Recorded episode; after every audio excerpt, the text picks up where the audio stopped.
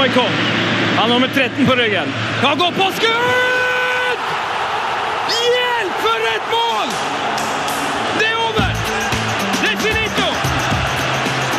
Det er klart! Vi er ferdig! Heia fotball med Tete Lidbom og Sven Biskår Sunde. Heia fotball! Heia fotball! Heia fotball, til far. Heia fotball, Sven. Jeg har sånn helt syk følelse at et eller annet har glemt. Kjenner du igjen i det? Ja, jeg, Jeg sånn- jeg, ser, jeg ser nøye på deg for å sjekke om du har glemt å ta på deg bukse. eller... Nei, jeg er fullt påkledd. Eh, jeg ser jo at, Og så ser jeg opptaket går. Jeg vet at gjestene er på plass. Eh, Gebisse. Hæ? Gebisset ditt. Å, gebisse! Det er det jeg har glemt! Du har bursdag i dag, sånn. Gratulerer med dagen. Du har Tusen blitt takk, tusen 100 takk. år. Ja, ja, derfor ja. eh, så Fått demens. Ja. Det er så kjipt når jeg blir gammel. Nei, men du har, altså, du har ikke glemt noe. Du ser akkurat like ung ut som du gjorde i går, Mm. eh, og du trenger ikke gebiss ennå. Så det, ikke bekymre deg for noe. Du er den kjekkeste sørlandsgutten jeg kjenner. så bra, du kjenner ikke så mange, så det sier jo nesten ingenting. Uansett, eh, har du hatt en fin fotballuke, min gode venn Tetefar? Om jeg hadde en fin fotballuke. Yes. Ja, altså eh, Livet mitt er jo en jobby. Jobby, det må du fortelle. Eh, Hva betyr jobby? Eh, jobb og hobby går altså bare Det er det samme. Altså, Når jeg er på jobb, eh, består det av å høre på musikk og snakke om fotball. ja. Når jeg er, ikke er på jobb, så ser jeg fotball og hører på musikk. Og det Så du det har, gjort denne uka her du har kombinert eh, jobb og hobby som vanlig? Jobby. Jobby. Så vi, jeg tror vi må kontakte Språkrådet angående ordet der. Jobby, ja. Jobby.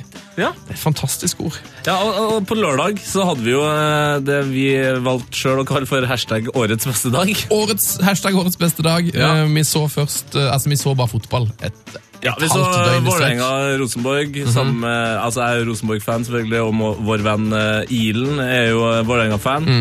Ble litt surt for han, men det var, en, det var en kjempefin tippeligakamp. Mm. Deilig, fin ramme og eh, god kamp. Og så spiste vi litt chili, svetta litt, Mhm. og så var det Champions League-finale i lange bane. Ja, vi så Først så, så vi vel en oppsummering av eh, alle Champions League-finalene i sånn fire-fem minutters På eh, YouTube, klipp. ja, det var nydelig. Ja, det var nydelig. Og så rett inn i Champions League-finalen. Deilig. Og den så vi i shorts, Alle så den i shorts. og det er sånn vi liker å gjøre det.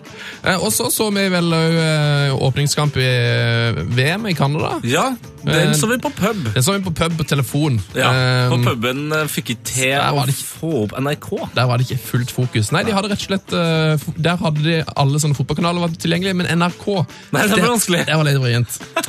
Men eh, som du sa i stad, vi var jo faktisk på jobb. Ja. Følger med fotball er en del av vår jobb, så det var faktisk jobb i hele lørdag. Deilig. Skal vi ta imot ukas gjest? Åh, det her har jeg gleda meg til lenge. Så bra. Da kjører vi catchphrase. Oh, yes! Heia fotball! Heia fotball. Heia fotball! Eh, ukas gjest er altså, Det er så deilig når vi har spillere på besøk. Spillere, ja. Ukas det er siste fot fotballspillere. Ukas, uh, altså, ukas gjest driver, har jo en jobb i som er ganske grei. Eh, ukas gjest er fotballspiller. Eh, hun er òg et av verdens største fotballtalenter. Eh, hun er tysklandsproff, spiller på lag med verdens beste fotballspiller. Eh, har verdens beste trener, og har vel òg eh, drakt nummer ti på landslaget, iallfall på de promobildene jeg har sett. Eh, Caroline Graham Hansen, velkommen til oss. Tusen takk. Eller er det Caroline Graham Hansen? Nei, det kan du velge. Ja, altså, kan man velge? Eller, altså, Graham er ikke det norskeste navnet jeg har hørt. Nei, det er fra Storbritannia. Det, Så, det er fra Storbritannia. så det, det stemmer at det ikke er det norskeste navnet du har hørt. Så da kan vi også på en måte si at du er Storbritannias beste fotballspiller? Da, mest. Ja Det var dratt litt langt, kanskje, Ja, okay. men Men eh, jeg, har- altså, jeg, har, jeg har bare sjekka hva andre har sagt, og folk sier Graham, så det går greit, det òg. Ja, ja. Det er det normalmengden sier, så det går bra. Hvor i England er Graham-slekta fra? Mm, Så vidt jeg vet, så er tippoldefaren min fra Skottland, så Å, dæven. Skotske hane. ja. Det er greit temperament i, i familien, da. ja, det er faktisk det. Jeg tenker over det. Jeg har ikke tenkt på det den veien før du sa det nå, så takk for det. Kanskje det er Skottland som gjør det? ja. Ja, Ja, En god forklaring. Det- Du skulle vel kanskje helst vært i Canada? Ja det stemmer det. Skulle helst vært der. Du skulle sikkert helst eh, Eller du begynner sikkert å bli passe lei av det spørsmålet, ser jeg for meg. Kanskje litt. Jeg så du fikk det på Du var i VM-studio eh, med Karina Olseth. Da fikk du det spørsmålet. Da, da tenkte jeg det skal jeg ikke spørre om, men nå har jeg gjort det. Så legger vi den død. Ja, ferdig. Men eh, føler du at, du at livet ditt er en jobb i? Ja, det vil jeg si. Det er, eh, jeg lever jo av hobbyen min, og da har man det jo ganske gøy hver eneste dag man går på jobb. Er fotball din eh, største hobby, eller har du en annen? Altså Er det frimerkesamler eller noe sånt som er viktigere for deg? Nei, altså fotball er nok min største hobby. Jeg har ikke sånn veldig mye annet ved siden av. Ja, for jeg, jeg mener, jeg kan huske at det har skjedd et klipp fra det må ha vært NRK, der du sitter og ser på, på YouTube-videoer av Neymar. Er det, er det sånt det stort sett går i når du ikke er på trening? Ja, da, da Det blir fort det, ja. Det er, men jeg syns det er gøy, da. Ja. Så lenge man syns det er gøy, så brenner man seg ikke ut på det. Da skaper det jo bare motivasjon og får tiden til å gå litt fortere til neste trening. Hvor er det du så CL-finalen på lørdag, da? Mm, da var jeg hos noen venner, så hadde jeg veddemål faktisk med oh, ja. eh, en på laget, en svenske, og hun, hun kan null om fotball. Som spiller på laget ditt? Nei, hun spiller ikke på laget, hun er kjæresten til på laget. Ah. Hun kan null om fotball. Og hun, hun tippa riktig resultat. Fy faen. Nei! Det var, å, det var bittert. Det var kjempebittert. Hva det dere vedda om da? Vi, vedda om champagne, så da fikk hun to champagneflasker. Så, Å, det, var, det var en til som var med. Så ja, det var litt smell. Hva du hadde tippa, da? Jeg hadde tippa 2-2 at Basha skulle vinne på straffer. Det er akkurat sånn som meg! så hun klarte for søren meg å tippe 3-1. Men Da tippa dere to mest riktig, da. eh, I og med at liksom, dere er enige her. Ja, det er Ja, sant. det vil jeg. Jeg tippa 6-1 til Barca. Det kunne jo skje, det òg. Slo ikke helt an. Um, det er ganske gøy at åpningskampen eh, til Norge eh, i VM ble sett av uh, flere mennesker enn Champions League-finalen. Det er ganske gøy. Hadde du forventa det? Nei, det hadde jeg ikke forventet i det hele tatt, men det sier jo litt, da. Ja, ikke sant? Og det er, liksom, det er den mest sjette kampen i, i Norge i år. Det er jo det er helt, det er helt nydelig. Men uh, det har kanskje litt med at uh, det norske landslaget også er såpass bra. Altså, tror du at uh, Hvor langt kan Norge komme, komme i år? Eh, det får vel kanskje kampen i dag vise. Så det er, det er litt sånn store testen i dag, med tanke på hvor langt vi faktisk kan gå. Ja, eh, nå er det sånn at det her kommer til å bli sendt eh, på fredag, og det her spilles da inn på torsdag. Eh, Så nå er du i den veldig veldig vanskelige situasjonen at alle som hører på, har jo eh, funnet ut hvordan det går, men du Ja. skal likevel få lov til å prøve det og tippe hvordan det går mellom. Hvordan går det 22-0 mellom Norge og Tyskland? Eh, jeg har jo troa på at man kan klare det, men jeg er redd for at Tyskland er litt for sterke. Så jeg håper på det beste, men eh, sånn eh, realistisk sett så tror jeg kanskje det blir for tøft. Så da, kanskje man bare skal gå for en sånn eh, klassisk eh, altså det, det er Ofte de lagene som gjør det bra i turneringa, de spiller liksom uavgjort mot eh, de beste lagene i gruppespillet, Ja. og så, så vinner de med hele greia. Så hvis, hvis vi klarer uavgjort, så skal jeg være fornøyd. Ja, altså Man kan gå av med en seier mot Tyskland òg, det er ikke det jeg mener. Men eh, er, eh, man skal huske på at Tyskland er en av de største favorittene, og de har et fantastisk godt lag med mange av verdens beste spillere på. og Det er liksom den skikkelige testen før eh, VM har vi liksom ikke fått på samme måte. Så Nei. det blir spennende å se hvordan det går i dag. Eh, Jeg håper og tror at det skal gå helt greit. og Det, kan, det er en sånn kamp som kan slå begge veier etter den gode starten vi hadde. Så hopp på det beste. Ja, 4-0 eh, i åpningskampen, var det som forventa, eller? Ja, Thailand er svake, så det kunne fort blitt mer, og det burde kanskje blitt litt mer, men 4-0 i åpningskampen med litt nerver og sånn skal man være fornøyd med. Tyskland feia over Elfenbenskysten med 10-0. Ja, det, jeg vet ikke om dere så kampen, men hadde dere sett kampen, så hadde dere skjønt at Tyskland er et godt lag. liksom. Det er ikke bare fordi Elfenbenskysten var veldig dårlige. Jeg så fram til 5-0 eller noe sånt, eh, for den gikk vel klokka ti, så da måtte jeg sykle fra Byåsen og hjem. Ja, det er Ja. Men eh, da, de hadde en ganske bra spiss som skårte masse mål. Vi hadde det, så det, det er ikke bare hun som kan skåre mål, for å si det sånn. De har liksom et helt lag som kan skåre mål. Det er det som er problemet med Tyskland. Eh, Du spiller jo i eh, altså en av en veldig veldig kul klubb som heter Wolfsburg i Tyskland. Stemmer. Eh, Er det mange av dine lagvenninner som, er- som er med for Tyskland? Det er fire stykker, og stort sett alle spiller jo i Tyskland, så man har jo enten spilt med eller mot de fleste på det laget. Men hun Er det Kessler, hun som har blitt kåret til verdens beste fotballspiller? Ja, Hun fikk Ballon d'Or i år. Eh, Hun er, s- eh, hun er skada ja hun har vært skadet hele sesongen, så hun er uh, ute. Hele sesongen. Hvordan klarte å få Ballon d'Or, da? Det er jo det store spørsmålet. Det er fordi de to andre som var på den eh, topp tre-lista Hun ene hadde jo ikke spilt en kamp hele forrige sesong, så det var litt sånn, hun var bare med på lista for å være med på lista. De som har stemt, har vel stemt på gammel vane. Ja. Og Martha er jo alltid med, selv om hun hadde ikke hatt den største sesongen hun heller. Så hvis Kessler ikke hadde vunnet, så hadde det vært virkelig, virkelig svakt av de som har stemt. Men det her er jo, det her er jo perfekt for deg. Eh, Nå som du er skada, så ville vil jo du garantert være topp tre neste år. Altså, Ja, det er akkurat det. Kanskje det er det som er greia. Du må være skada og ikke spille så bra, så blir du stemt på. Um, en som også vant uh, gullballen, er din trener Ralf Kellermann. Eh, Jeg har hørt at han er litt den type. Han er en eh, veldig bra type, så det er stort å kunne eh, få lov å trene under verdens beste trener. Det er ikke alle som kan si at de, har den.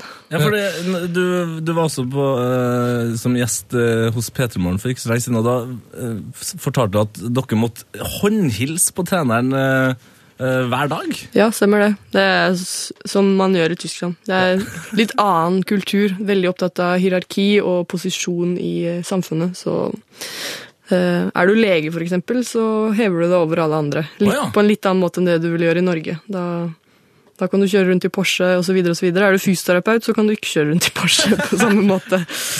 Så, så legen og fysioterapeuten på, eh, rundt klubben er liksom, de er ikke sidestilt? Nei, de er ikke det. Og så er det jo treneren som er høyest. Det er bare sånn høfligheten er i Tyskland. Da hilser du på treneren eh, av respekt og eh, litt ære. Og vi har i hvert fall veldig stor respekt for treneren. Eh, Hvor i hierarkiet eh, ligger du igjen for tida? Nei, jeg ligger vel i spillergruppa der et sted. Så det er, eh, det er der jeg hører hjemme.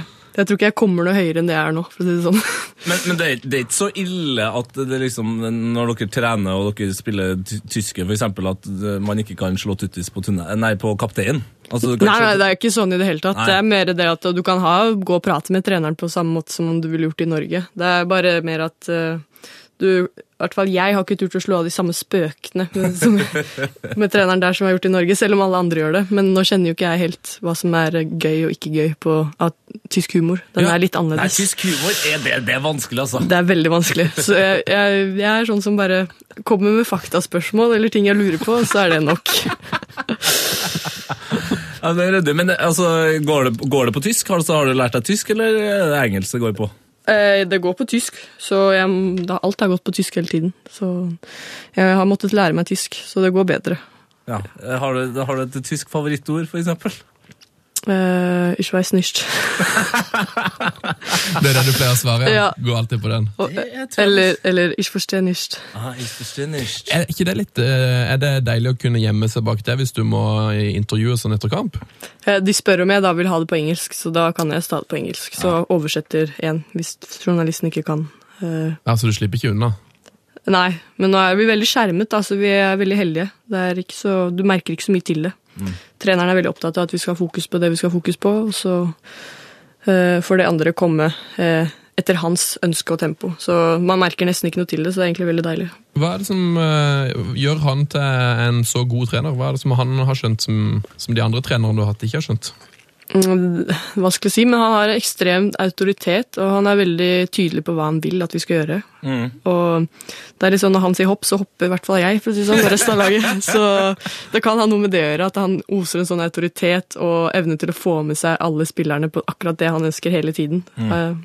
Så det er nok noe med auraen og personligheten hans også. Men uh, du spiller jo Wolfsburg, og Hva sa du da? Altså, Wolfsburg. Og Wolfsburg. Wolfsburg. Ikke Wolfsbygd, men Wolfsburg. Eh, og det er jo en ganske rar by, er ikke det? Fordi det er vel eh, Er ikke mer en fabrikk eh, enn en by? Det er vel, byen er vel bygd, rundt fabrikken og ikke omvendt, så det er, det er litt annerledes.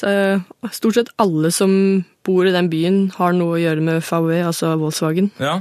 Jobber for dem på en eller annen måte. Men bor du da i den byen, eller bor du liksom utenfor en annen by? Nei, jeg bor da i denne byen. Du bor i denne fabrikkbyen? I? Ja. I denne byen som har hørt at det ikke bor noen eh, mennesker. Det, det bor litt mennesker, da, 120 000, så det er ikke helt tomt. Og Hvor mange av de jobber i Volkswagen, vil du anslå? Det aner jeg ikke, men jeg syns jo alle jeg møter på jobber der, så det må jo være stort sett alle. Det er jo ikke så mange andre grunner for å bo der enn å jobbe for dem, da. Men er det sånn at For det er veldig godt betalt, og øh, ja, det, Ja, det trekker jo mennesker.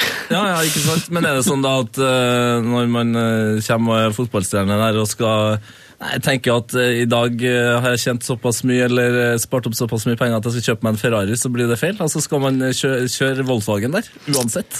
Nå, nei, det trenger ikke. Men nå ei- eier jo Volkswagen Audi, Porsche, Skoda Så det er noen valgmuligheter. ja. Ja. Så du har øh, og to-tre andre merker òg. Så Så det er ikke bare Volkswagen. Mye Volkswagen, mye Skoda, og ikke så mye Audi. Hva, Men- hva kjører du? bilpark. Vi, vi kjører, alle sammen kjører Volkswagen. Vi får jo det Det er få biler. sponsa omtrent fra Hvilken bil kjører du? Hvilken Volkswagen? Akkurat nå kjører jeg en Golf GTI. Så det er Ah, det, det er som, det går unna, det. Ikke alle, alle 20-åringer som har, eh, har det. Nei, det Er det, er, er det ikke sånn at eh, Klopp er liksom stjerna til Volkswagen? At han er sponsa de, og, og egentlig litt fordi at han faktisk alltid har gjort det? At han liksom ikke har lyst til å kjøre noen bil? Klopp. Ikke han sponsa Opel, da? Er det Opel?! Nå går du på en kjempesmell her. Nå går du på en kjempesmell. Ja, nei, men da får, nei, jeg, jeg, jeg kan ingenting om bil, men eh, jeg vet at han har et veldig nært forhold til en eller annen eh, bilfabrikant. Google det. Google det, Tettefar. Klopp Eh, Opel? Ja, jeg kan gjøre Ja, det. men finne ut hvilken bil det var.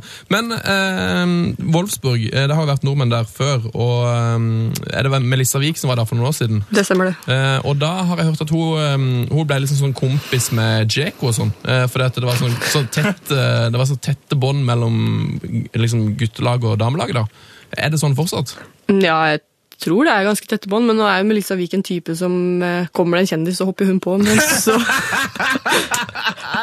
Så, så er derfor, hun er veldig opptatt av oppmerksomhet, og hun er en fantastisk person. Men, så jeg kan jo tenke meg at hvis hun har sett en herrespiller, så er hun veldig blid og ser bra ut og spiller for damelaget, så skal ikke se bort ifra at hun eh, på en eller annen måte snek seg inn der. Så, det, så Ah, du har liksom ikke Du har ikke sprunget i hælene på Bentner og, og Nei. De Bru- De Bruyne du det siste Nei, halvåret? ikke, ikke det. Men jeg har eh, blitt kjent med noen av de andre spillerne gjennom noen av de andre på laget som kjenner dem eh, fordi de er like gamle. Så det, de er veldig hyggelige og veldig ydmyke, og det er ingen av de som har noen sånn kjempestjernenykker i det hele tatt. Så det, det er sånn ordentlige folk. Ikke gang lord Bentner.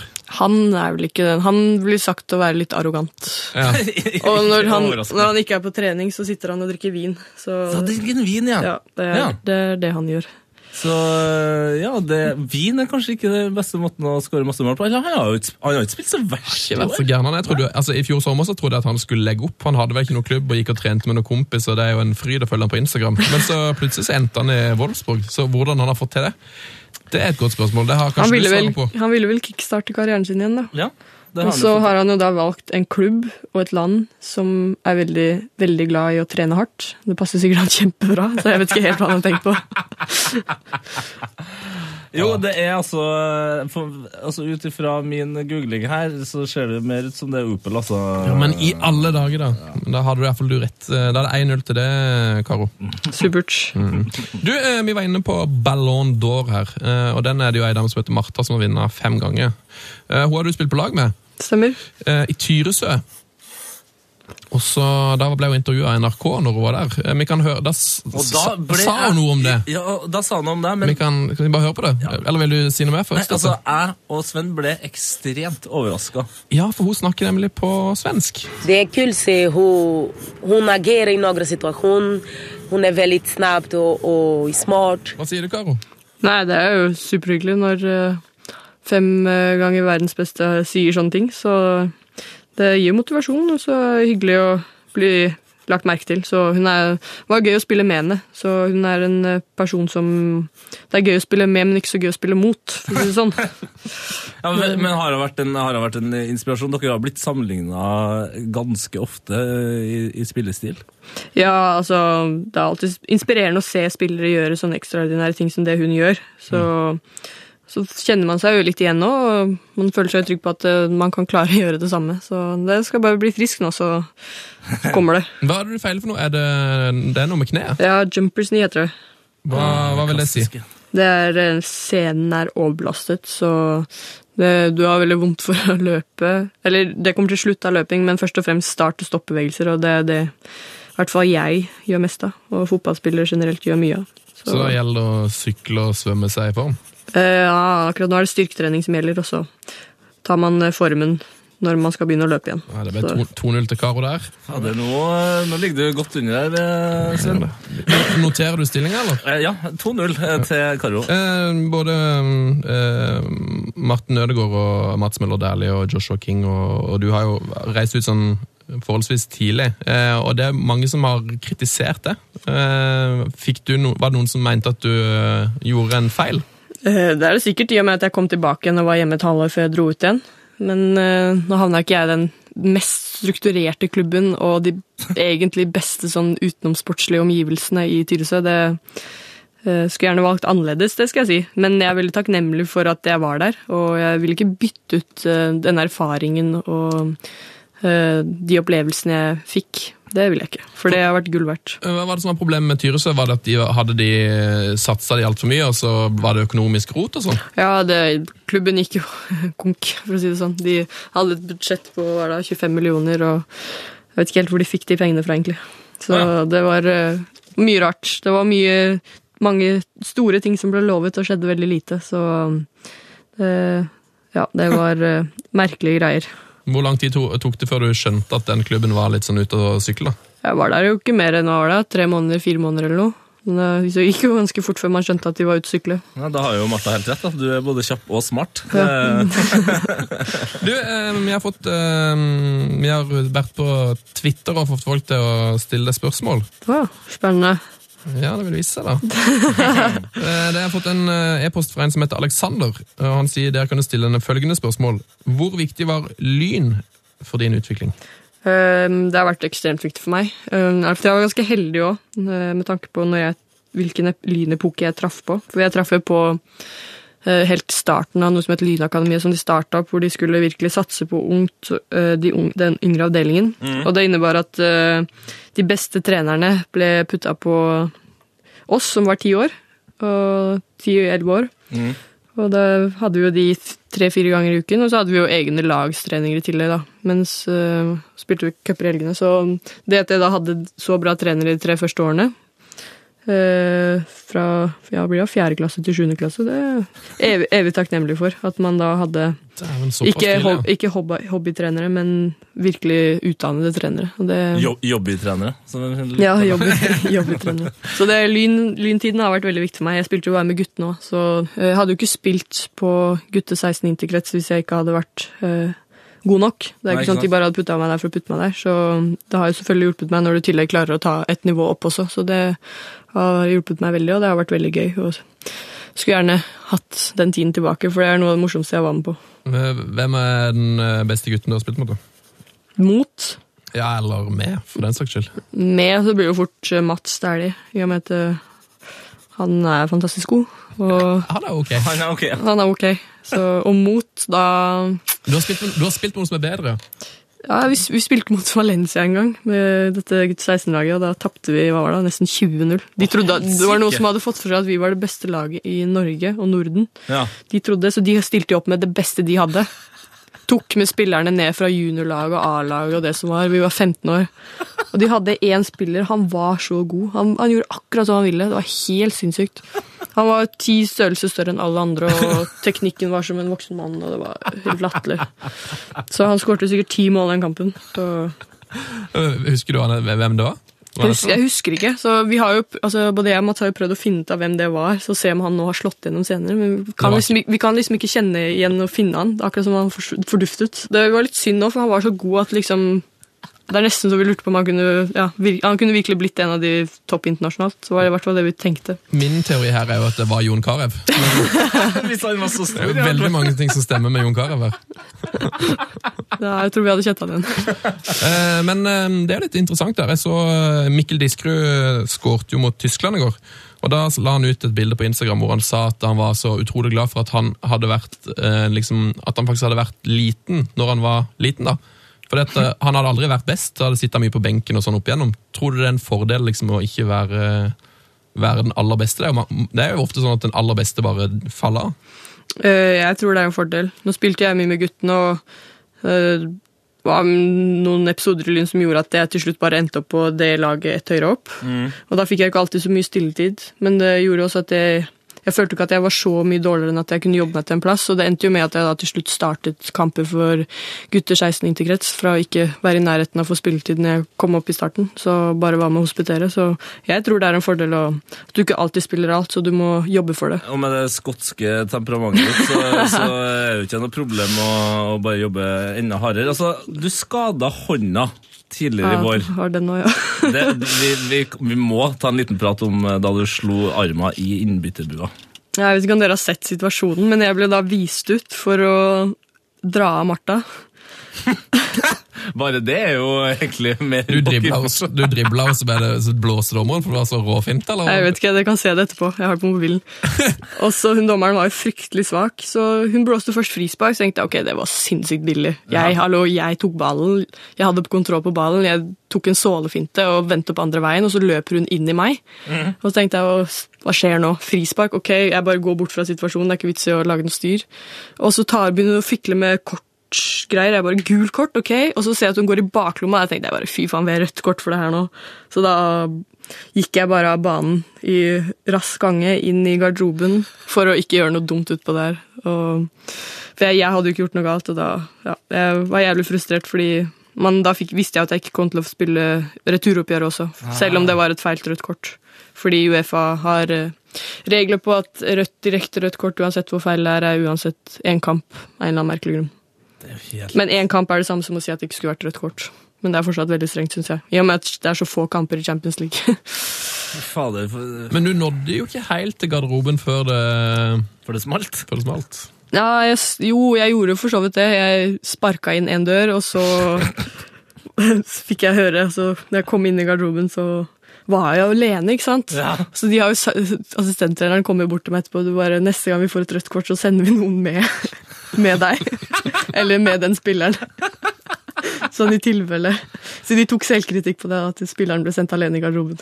Men, men, eh, men er du liksom den eh, spilleren på landslaget med mest eh, temperament, eller er det noen som er enda villere enn deg? Eh, jeg er jo ikke den spilleren som viser mest temperament når jeg spiller. Det er mer sånn at jeg har temperament, men jeg styrer meg. Så det er nok andre som eh, kan ses på som mer temperamentsfulle enn det jeg er. Det er det nok.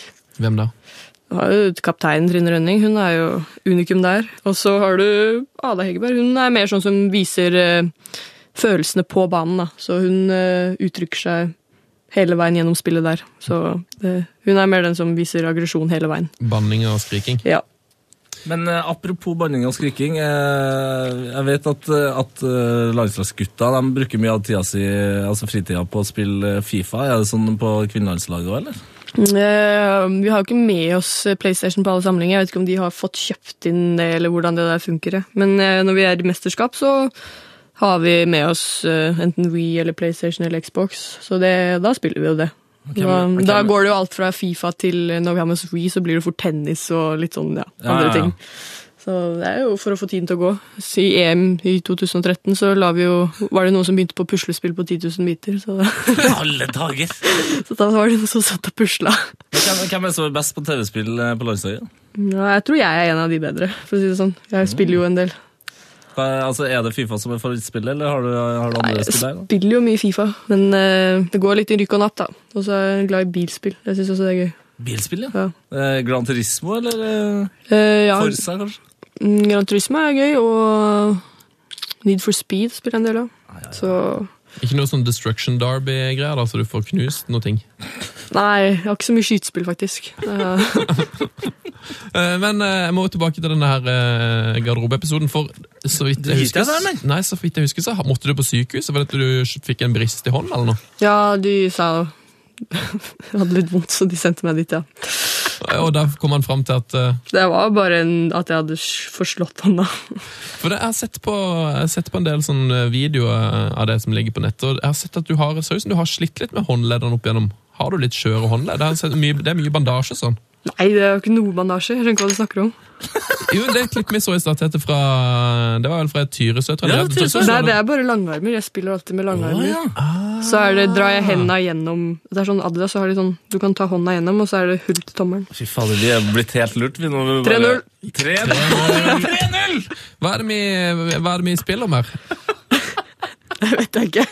Flaske champagne? Ja, flaske champagne. Det er null. Det er bra. Ja, det tror jeg, faktisk- jeg tror ikke jeg har lov til å gjøre. Fanken, jeg må ta det ut av egen lomme. òg. det, det, er bra vi, det er bra vi har fått feriepenger i dag, Sven. Yes!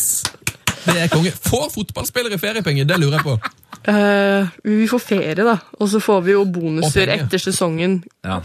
Så det, jeg tror bonusene blir jo på en måte feriepenger. Da, i og med at en, Hvis du har en dårlig sesong, så får du ingenting. Da får du bare vanlig lønn. Mm. Ja. Så bonusene blir jo slags feriepenger, da, i og med at du får de etter siste kamp. Da, har, da får du plutselig ganske mye større lønning før, til ferien. Du skal slippe å av, avsløre noe tall, men øh, hvordan, hvordan er de bonusordningene? Er liksom, får man etter hvor mange kamper man har spilt? Er det trofé? Antall mål? Eh, Det er forskjellig. Vi har for Du får en bonus Altså, du har jo pengepremie per kamp du spiller, og så får du øh, premier for eh, om man kommer til hvor langt du går i Champions League, det er en premie. Hvis du kommer, vinner ting, så får du en premie. Så hver, hver cup har jo sin pris, på en måte.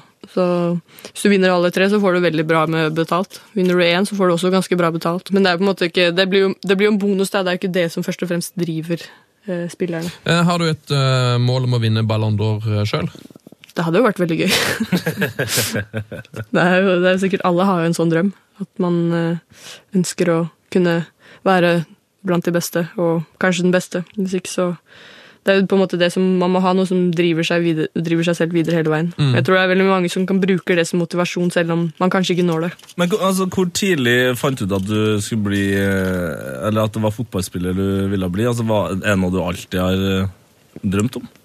Det jeg, jeg føler jeg hadde en periode i barnehagen hvor jeg ikke var så interessert i fotball. Periode i barnehagen! Og så plutselig snudde det. Og så Siste halvannet år i barnehagen spilte jeg fotball hele tiden. og siden det har jeg gjort det. Så. Men jeg husker så godt at jeg syntes det var så kjedelig å se på fotball på TV. Å ja, I barnehagen? Ja, det, Jeg kan ikke ha vært mer enn tre-fire år, liksom. Men jeg husker det så godt, for pappa så alltid på fotball. Og jeg syns det var kjedelig. Det, det er en ærlig sak å ikke Ja. være megainteressert når man er tre-fire år. Altså, Men det var trassalderen der, vet. Ja, ja, det var trassalderen, ja. Det var opprøret ditt. Det var mitt opprør.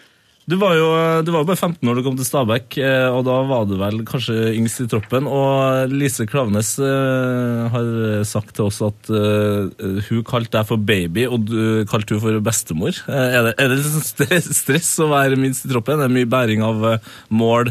Start først i tysk, nei, midten i tysker og sånn? Det er jo mye pes, da. Og så var jo de andre var jo nesten 30 alle sammen. Det var 15 års forskjell her.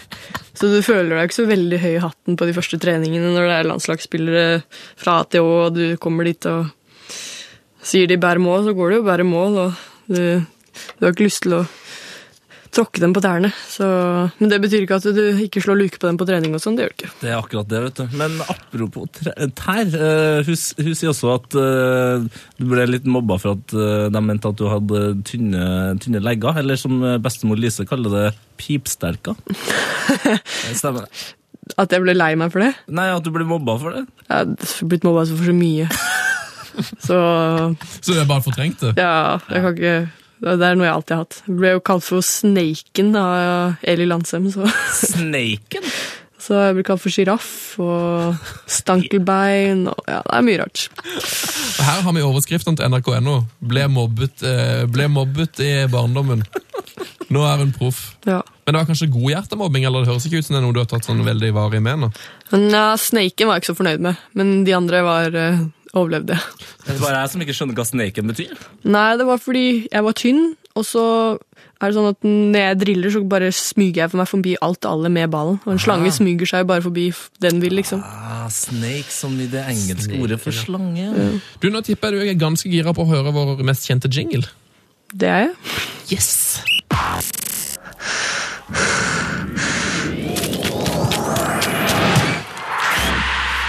P3s Heia fotball med Tete Lidbom og Sven Biskår Sunde. Oh, yes. Og Caroline Graham Hansen. Graham. Graham! Fader, jeg, jeg blander alt. Nei, det var det var lov å si begge deler. Ja, jeg går for Caroline. Caroline. Ja, den er fin. Ja. uh, dette er jo da et, vår Jinglen her heter jo da for straffesparket. eh, I Heia Fotball eh, sin interne verden. Den er lagd av Christer Dahl, hvis du kjenner til han. Eh, og det er jo spørsmålet alltid etterpå er du glad i å ta straffespark. Er du god på det? Jeg har ikke noe imot å ta straffespark. God på det. Jeg pleier å score. Jeg har bomma én gang. Det var meg, ja. Men altså, har du, har du et favoritthjørne? Høyt, lavt? Nei, jeg går for et hjørne, og så altså Jeg står der, jeg bestemmer meg for et hjørne. Og så skjuler jeg skuddene, så det er ikke så lett å lese. Fader, det er ryddig. Det er kanskje mest ryddige måten. Så etter trening så pleier jeg å stå og skyte med keeperen, og hun prøver jo å lese det, men hun klarer det ikke. Så det er gøy. Heia fotball. Um, vi tar litt nyheter fra uka som gikk. Uh, CL-finale på lørdag. Oh yes! Adjø til Xavi og Pirlo. Og Pirlo. Hvem var du mest lei deg for at uh, på en måte, De er jo ingen av de som legger opp en, men for at det stikker vekk fra europeisk fotball, eh, Colin? Ja, det er vanskelig å si. Begge har jo vært helt fantastiske.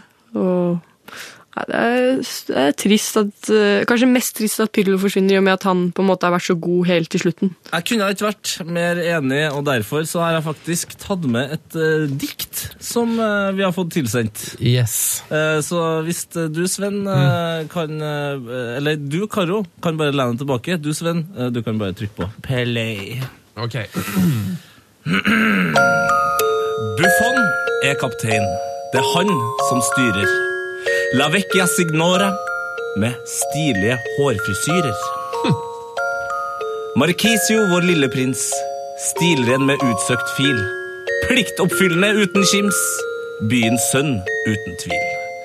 Jorente, en mektig løve, og Teves, den kruttønna.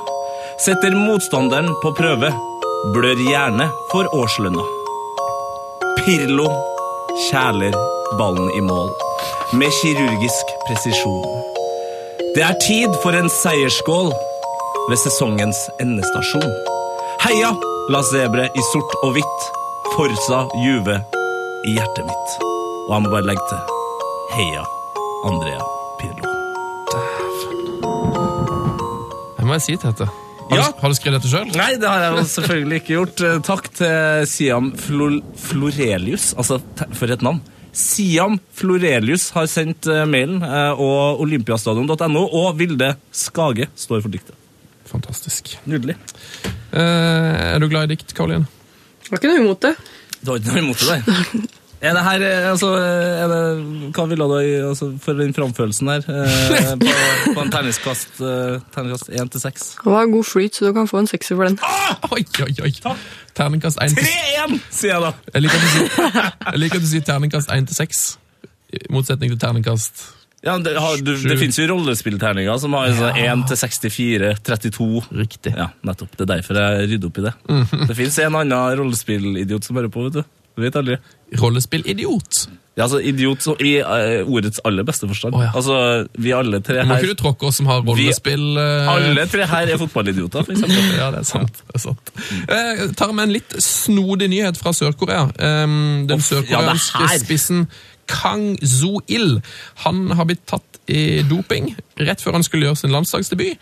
Og det viser seg nå at han har um, testa positivt på anabole steroider. Mm. Men ikke, ikke liksom det, Han har ikke tatt det for å bli Han har tatt anabole steroider for å bli stor og sterk. Nei da. Han Har- brukt en, han hevder selv at han har brukt en sånn en eh, bartekrem. En krem som gjør at du skal gro fortere bart. Og så var det da steroider i denne kremen. Ja, Hva skal man egentlig si om det her? Eh, altså, er, det, er, du, eh, er du Karo, veldig opptatt av eh, hva du putter i det? Eh, Og at du liksom sjekker pakninga på alt, og sånn, eh, så det her, sånne ting ikke kan skje? I Norge så er det jo veldig Altså er jo stort sett alt sjekka, så det skal mye til for at du Går på en, eh, går på en smell hvis du kjøper ting som er importert av staten til Norge. Ja. Eh, Kjøper du fra USA og sånn, så er det jo litt mer shaky, så, men det gjør ikke, bruker ikke jeg tid på. Så. og det, det er vel kanskje ikke uh, Og i Tyskland spiser jeg bare det ting jeg får fra klubben, og det er safe. Så ja, for, Men får du liksom, har du en diett fra, fra klubben? Uh, Hva du skal spise til middag og sånn? Nei, nei, det har jeg ikke. Der kan du spise hva du vil. Det, ja, du kan det, men de vi driver veier og sånn. Altså, hvis du går masse opp i vekt, så blir du sure. ja, da sier de nå må du passe på, nå må du eh, passe på hva du putter i deg. Yes, eh, Tom Høgli har invitert Hans Åge Yndestad til å sove på hotellrommet sitt. Um, vet ikke om du har fått med deg den saken her, eh, Karo, men eh, Finnsnes skulle jo fly hjem fra Oslo til Tromsø, og så var det flyplassen stengt, så de kom til Trondheim, så måtte de fly tilbake til Gardermoen. Eh, og der ble jo det her andredivisjonslaget måtte bare overnatte på, på Gardermoen, på O'Learys, på en sofa. Nei. Og hotellet var stengt. Ja, jeg kjenner meg veldig godt igjen eh, det, fra den gangen da jeg var på ja, Du har hatt noen timer på flyplass. Ja, eh, når jeg mista flyet mitt i Thailand, så var jeg jo Eller når du glemte flyet ditt. Ja, jeg glemte flyet mitt i Thailand. Eh, Da var jeg 24 timer på flyplassen. Det er utrolig kjipt å sove på flyplass. Altså, har, har du noen gang mista flyet ditt, eh, Karo? Eller, eller er, det, altså, er det alltid godt opplegg når dere flyr, eller har det skjedd at dere måtte ligge på flyplassen? Eh, Jeg har aldri opplevd å ligge på flyplassen. Og, Kjipeste reisa du har hatt, da? Eh, Det var når den der askeskyen eh, tåkela Europa. Vi måtte kjøre med buss hjem fra Østerrike. Det er den verste turen. Å nei. For da var jo alt av ferger fra, var jo fullt. Alle Kiel-ferger var fullt. Så vi måtte kjøre helt til Hirtshals i Danmark fra Østerrike. Og det tok jo 35 timer, og så Nei, nei, det tok 25 timer, og så tok vi båten til Sandefjord, og så måtte vi kjøre derfra hjem. Og, oh, det var skikkelig, skikkelig langt. Det er ikke godt eh, fotballbeina å sitte i en buss så lenge, altså. Nei, da, da var jeg kjempesliten da jeg kom inn. Og, og veldig glad for at jeg bodde i Oslo, for da kom jo de som skulle til Bergen, skulle kjøre åtte timer til. og Trondheim, og det var jo noen som skulle til Tromsø. De tror jeg faktisk ble igjen i Oslo i to dager og venta. Jeg tror jeg, hadde lagt oppe hvis jeg måtte eh, til Tromsø. Ja, det, men det er jo eh, Jeg tror ikke at de svenske landslagsspillerne eh, hadde, hadde en så lang busstur. Men når de spilte 3-3 mot Nigeria, så virka det som alle spillerne fikk krampe. Til og med keeperen. Eh, men ryktene går at det er så varmt borti VM der at eh, altså, kunstgressbanene er liksom opp i 65 grader i temperatur. Tror du det er derfor? Karen? Eh, For det første er jeg litt overrasket over at de ikke har grønne knotter i alle kunstgressene. Eh, For det absorberer jo ikke like mye, og friksjonen på de grønne knottene er mye mindre. De er jo runde og glatte, så ballen flyter bedre når fuktigheten fra gresset forsvinner. Så det er det første. Finalebanen har det, så den er veldig bra. Okay, ok, Det så de også når Spania de spilte der.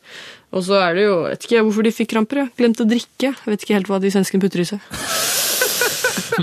Eh, Hva hørte du når du fikk eh, Hva tenkte du når du fikk høre at, at VM skulle spilles på kunstgress? Du, Syns du kunstgress er bra eller dårlig ting for Jeg har ikke noe imot kunstgress, men jeg spiller heller på strøkne gressmatter enn en bra kunstgressbane. Det gjør jeg. Så, så er det litt sånn for oss damespillere også, da, som ikke er vant til å ha eh, topp, topp kvalitet på alle gressmattene vi spiller på, så er jo mesterskap da noe spesielt når vi da får eh, topp, topp eh, gress hver eneste kamp og treningsbaner i tre uker. Så det er jo veldig stusslig at de da velger å putte det på kunstgress. Så jeg tror, det, jeg tror hvis vi hadde betalt nok, så hadde vi fått gress, men eh, Fifa bryr jo seg kun om herrefotball og Aha, er det derfor, altså? ja, det er nok mye derfor at eh, det er ikke så interessant med oss, men det kan godt hende at det blir bedre i framtiden når eh, Hvis det blir litt mer demokrat demokratisk innad i forbundet deres.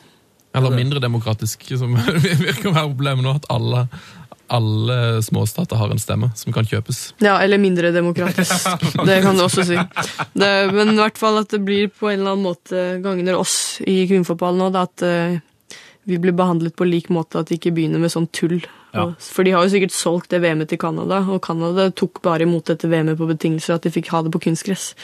Og det syns jeg er veldig svakt av Fifa å godta. Ja, Er det litt sånn at uh, du tror ikke det ville skjedd med et herre-VM? Nei, aldri i verden om det ville skjedd. det er sånn tull med at kunstgress har kommet for å bli, det kommer aldri til å skje. Sånn som I Tyskland har de jo forbud mot eh, kunstgress i proffdivisjonene sine. så, det, det, så det vil si hva blir det, ned til fjerdedivisjonen i Tyskland, de fire øverste divisjonene i Tyskland og den øverste divisjonen på damesiden i Tyskland. Så er det kun gress. Det er kun lov å spille på gress. Ja, det er vel kanskje en Ja, det var det jeg skulle til. nå, men du- Zlatan? Ja, Zlatan, ja. Det er vel kanskje en stund til en eh, kvinnespiller eh, tjener én milliard, eh, altså i lønn. Men nå har altså Zlatan runda milliarden. Det er ganske Heftig. Det er ganske heftig, ja. Jeg syns du han er verdt det. Ja, kanskje, kanskje ikke. ja du er litt redd for at du eventuelt møter på ham, og så Nei, det er jeg ikke. Han, han kunne ikke brydd seg mindre om damefotball. Han slenger jo dritt om oss hele tiden, så Gjør han det? ja. De svenske, svenske jentene er ikke veldig, veldig glad i han. Er det sant? Det visste jeg ikke. Det var jo en episode i Sverige som jeg sikkert har hørt om når eh, Jeg husker ikke hvem som fikk 120 landskamper. Ja. Mm. Og så var det all time high på herresiden, så han fikk jo en bil av forbundet. Og så er det jo en på damesiden som har over 200 landskamper, tror jeg. Jaha. Eh, Og hun ble jo ikke hedret med noe på denne gallaen, fotballgallaen. Og da ble jo det masse oppstyr, fordi i Sverige så er det egentlig ganske likestilt med fotballen. altså Mediene hang seg opp i det, og syntes det var urettferdig. Og damene selv òg. Så klarte Zlatan å si hun kan få sykkelen til Zlatan signert. Det er det liksom det de var verdt. Oh. ai, ai, ai, ai. Damefotball var ikke verdt noe, liksom. Eh, litt, um, litt sånn eh, rar episode som kom ut fra den her eh, Barcelona-feiringa Feiringa? ja, på paradebussen. Eh, hva er det som skjedde, egentlig? Jo, altså Savi står på gelenderet oppå den bussen her. Eh, ser veldig blid og fornøyd ut, men så ser det ut som det er sånn at Neymar prøver å dytte den ut, mens Iniesta prøver å dra den inn, og så blir han bare egentlig jævla sur. Eh, Neymar ser også uh, veldig full ut. Neymar er dritings og Ja. får en, eh, en, en hånd i fjeset fra Xavi, som jeg syns er velfortjent. Men um... Altså, går, har, har du vært med på noen sånne feiringer der det har gått, gått for langt, Karo? Altså, er, blir det for mye? Ja, ikke, ikke sånn ennå. Nei. Det kommer vel kanskje hvis man vinner tre titler igjen, eller et eller annet så kan det hende at det går litt langt. Men åssen er det når For det, um, jeg regner med at liksom det er lite fest og moro i løpet av sesongen, men er det litt sånn at uh, man da må overkompensere når sesongen er ferdig? At det er liksom store, store fester på slutten? Eh, Det, blir jo, det er jo lagt opp til at når man vinner, så sier treneren at nå har dere fortjent å kose dere, og da tar vi fri. Hadde vi tapt cupfinalen, eksempel, så måtte vi gått på rommet og lagt oss. Så det, man, eh, man får så fortjent, på en måte. Jo mer man vinner, jo flere fester blir det. Herregud, det, det er det man må tenke, vet du. Hvis man er festglad, i hvert fall. Ja, Eller hvis er- festglad fotballspiller. ja, Hvis det er fe kun fest med motivasjon, ja. Det er vel kanskje ikke akkurat de som blir de beste fotballspillerne, de som er veldig gira på Nå fest. skjønner jeg hvorfor jeg ikke ble en fotballspiller. så jo Bentner etter finalen og Wolfsburg vant. Han var den første som sto her med en svær champagneflaske og hoppa rundt og drakk. Han har jo ikke spilt noe. Eh, ukas morsomste tweet, vi tar med den. Uh, er du mye på Twitter, eh, Karoline? Jeg er jo på Twitter hver dag, men jeg føler ikke at jeg er så god på å følge de morsomme. Så Da må du følge, følge Jesper Mathisen, da. Ja, ok. Ja, Han er ganske morsom. Eh, De har nemlig hatt Start hadde sånn um, jubileumskamp denne uka, og da skrev han på Twitter ringer rundt og får inn sponsorer til morgendagens jubileumskamp mellom Start og Start Allstars. Andås begravelsesbyrå spon- sponser dødballene. Spurte også Frp om de ville sponse utvisningene. De takket nei. Så det syns jeg er bra. Oh, bra den. For, eh, bra levert av Mathisen. Utvilsomt uh, ukas beste tweet. Uh, ukas lengste reise. Eller han skal sikkert ikke reise helt ennå, men det er jo Riise. Skal til India. Det er jo, det er jo noe. Det var litt overraskende at han velger å dra dit. Ja, det var litt overraskende. Med Ja. tanke på at eh, jeg ville jo tro at kanskje Hellas var eh, Eller hvor er det? Ja, Hellas er det ikke der han er, da? Ja, på Kypros. Ja. eh, Kypros. Han, han kunne jo spilt der et år til det var spilt Champions League og sånn. Det var, ja, det var det, da. At uh, det virker jo mer attraktivt å bo der, i de omgivelsene, enn å bo i India. Men han vil sikkert oppleve verden. Ja, det, ja, det må være det, Et eller annet må det være. Kanskje også Det er jo kanskje enda lettere å med sånn småstart på en trenerkarriere. Tror du, har, har Riise det i seg? Men Riise har jo sagt han skal spille til han er 40. Han skal jo hjem og spille sammen med Bjørn Helge Lillestrøm, og sånt, så han skal sikkert bare være et år i India, og så skal han sikkert et år til Qatar eller USA, eller noe sånt, og så skal han til Lillestrøm. Jeg tipper han går dit det er mest er penger. Jeg vet Ja. ikke, ass. Du Men- tror han går etter pengene? Nei, jeg, jeg tror ikke han går etter pengene, men uh, hvis, altså, jeg tenker jo litt at hvis det nærmer seg slutten, og han har rota bort mye penger òg, at hvis han får skikkelig bra betalt, så tro, Jeg tror liksom ikke han sier nei, da. Nei. Men er, er Tyskland eh, den eh, serien i damefotball der man tjener mest penger? Nei, man trener bra der, men Ja. jeg tror du tjener enda mer i Frankrike hvis du drar til PSG eller Lyon. Strålende!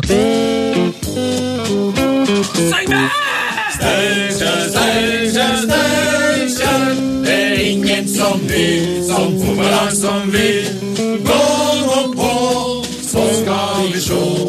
Ingen kan slå Lars. Hei, hei. Hei, Hei, Lars! Nå må, må vi bare være ærlige med lytterne her. Nå er det fredag, plutselig. Eh, og Karoline Graham Hansen hun er ikke her. Nei, Eh, for hun snakka vi med i går. det stemmer. Eh, men vi skal snakke mer med henne etterpå. så- Men først litt oppdateringer fra breddefotballen. Hva skjer, Lars? Eh, jo, det, har, det er litt breddetørke, dessverre, for tida. Er det breddetørke? Ja. Det er jo ikke bra. Nei, det er ikke bra. Eh, men jeg har rota fram en fin historie her som jeg tenkte jeg skulle lese opp. Mhm, Som du har, eh, Hvor har du tilegnet denne historien? Den har vi fått på e-post eh, fra Stian Barretto. Hei, Stian Barretto! Greit navn. Her Han burde egentlig bare bytta til noen med en A. Stian Barretta. ja, du bre, på- Åh, Og Shitrich eh, på plass her òg. Stian Beretta og Shitrich. Jeg kan teame opp med Shitrich. Veldig bra. Sorry. Det, var veldig bra beretta. Send gjerne inn eh, breddefotballtips til nettsjef Lars. Vår e-post er heiafotball. Krøllalfa.nrk.no. Både om du heter Stian Barrette 1 eller Barrette Nå må vi slutte å snakke om Stian Barretta. Det er iallfall helt sikkert. Han heter Barretto. Herregud.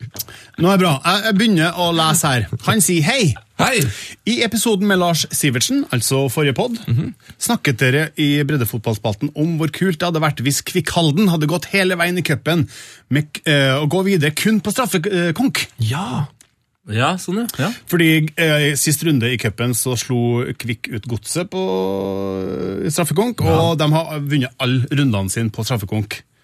Eh, faktisk. Og neste runde er han borte mot Molde. Helt spesielt. Eh, og så sier han videre her eh, I den forbindelse vil jeg gjerne gi et referat fra Evje romjulsturnering i Setesdal. Breddefotball med stor B, med andre ord. Stor B. Den eh, var veldig lang, så den presenteres her i en forkorta utgave. Redd Adm, Du har massert den. massert og tilrettelagt. Skal vi se her. Stian og co. da, de stilte eh, med laget Gratis pølser i kiosken. Og det er Ja, et ikke, eller- skikkelig romjulscupnavn. Ja, det- gang. Det er navn. Ja. Eh, Det bestod av seks spillere, hvor samtlige var syke. Oh. Mm. To var forkjøla, mens resten var sjuk etter en ganske fuktig natt. Fyllesyk, altså.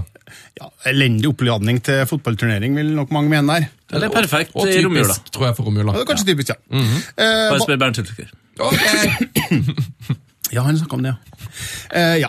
Eh, basert på tingenes tilstand eh, vurderte de å trekke seg, men de konkluderte likevel med å, å stille opp og sette seg som mål å ikke dumme seg fullstendig ut. Ja, Så det, det, er, jo, det er jo et mål. det er lurt. Eh, Innledende gruppespill ble blåst i gang, og melodien for laget Gratis pølser i kiosken var som følge.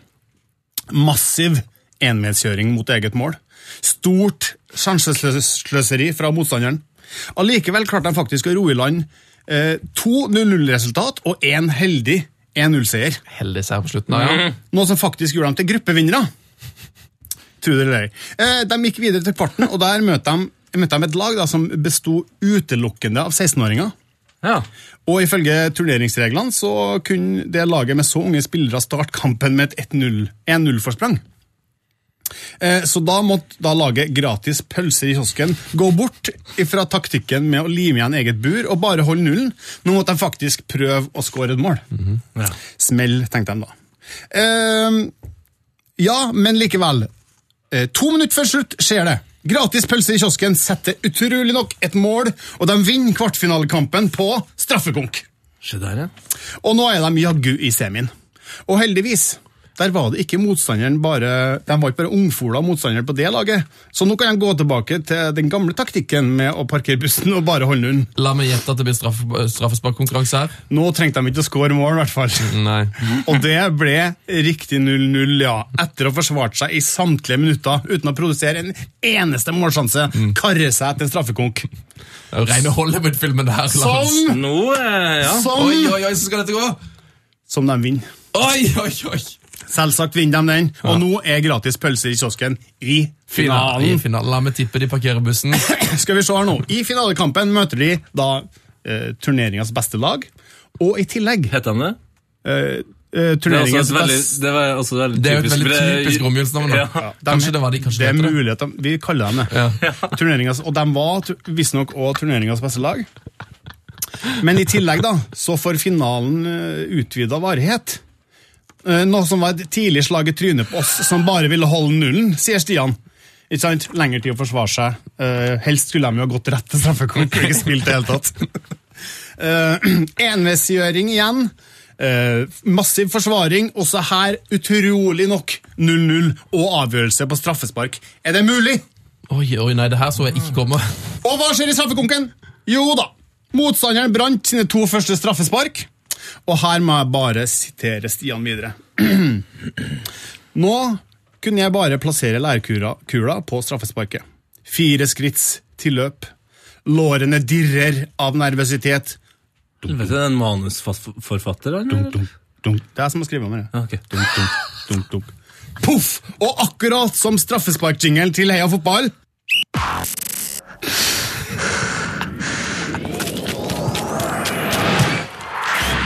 Akkurat som den jingelen, så suser straffen i høyre side ved stolperota.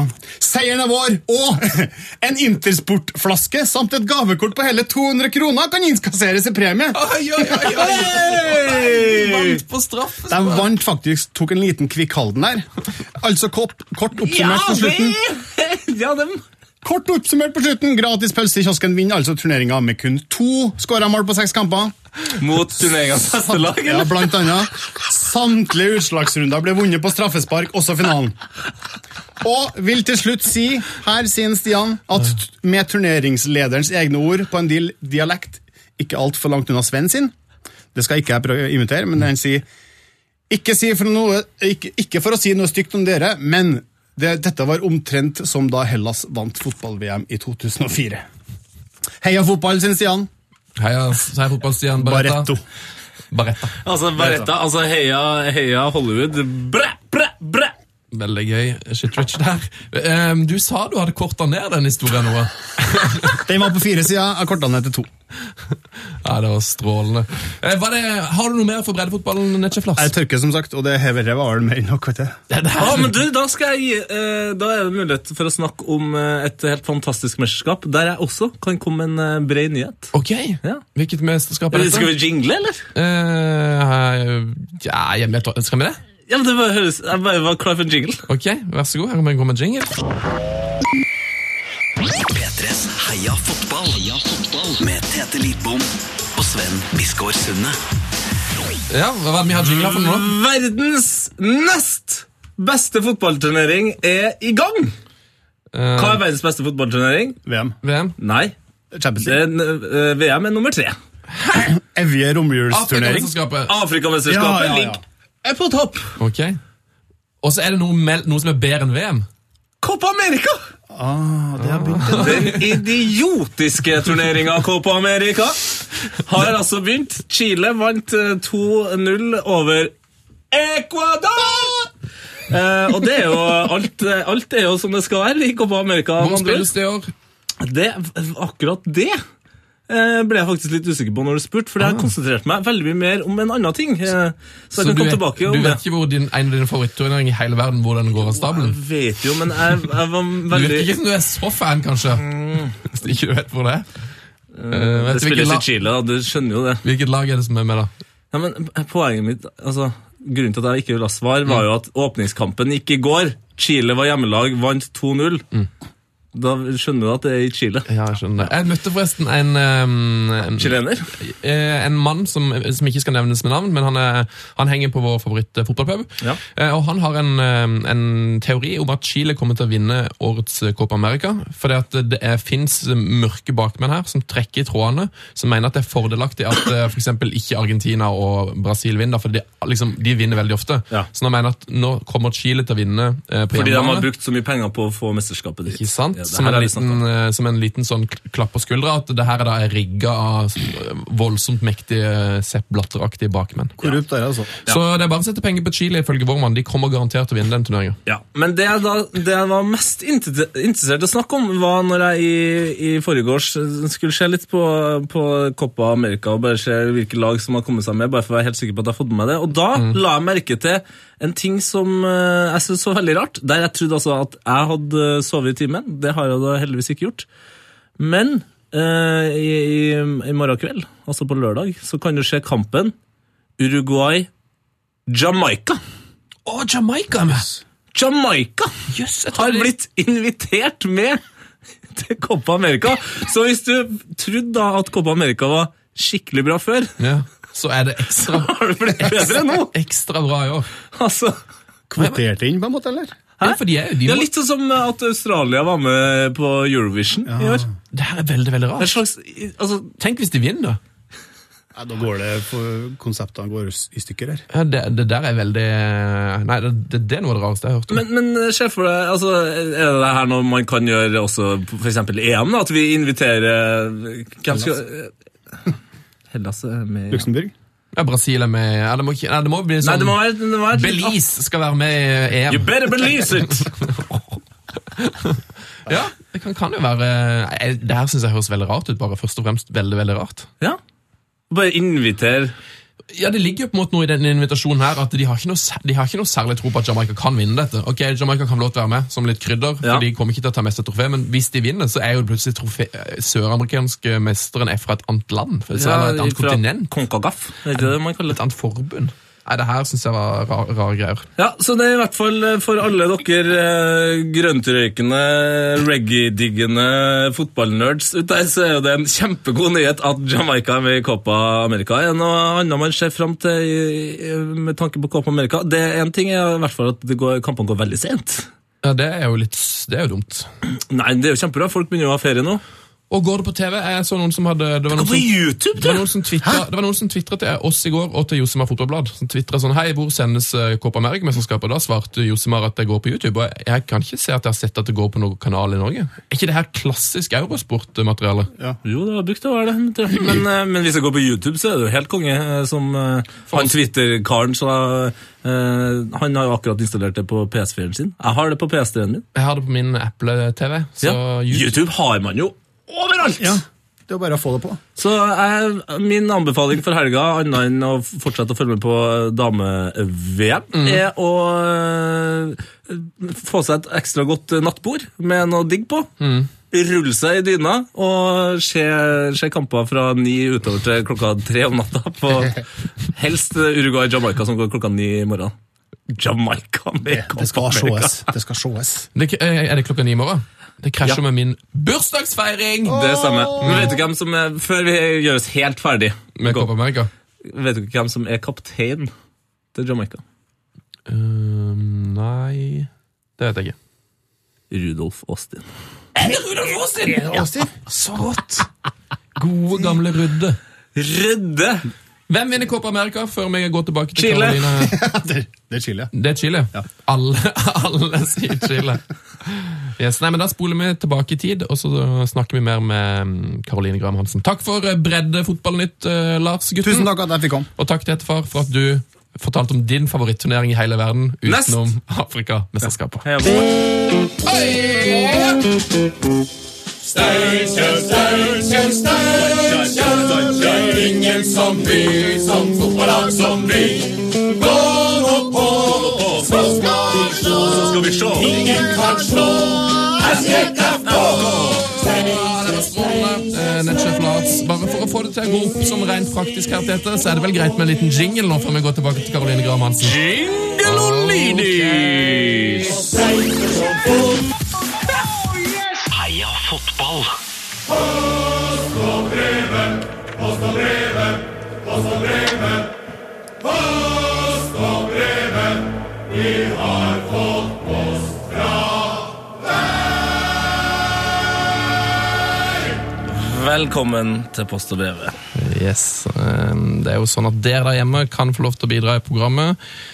Eh, Hvis dere sender inn eh, post med heiafotballkrøllalfa.nrk.no, så leser vi det. Og forrige uke så var det jo en skandale, Tetefar. Ja, fordi eh, vår gjest og oss hadde så mye å prate om at vi ikke fikk med en eneste post eller et eneste brev. Skandale. Så vi tar noen i dag. Har du et brev, Tetefar? Ja, jeg har et brev her som jeg har fått fra, faktisk fra to mennesker.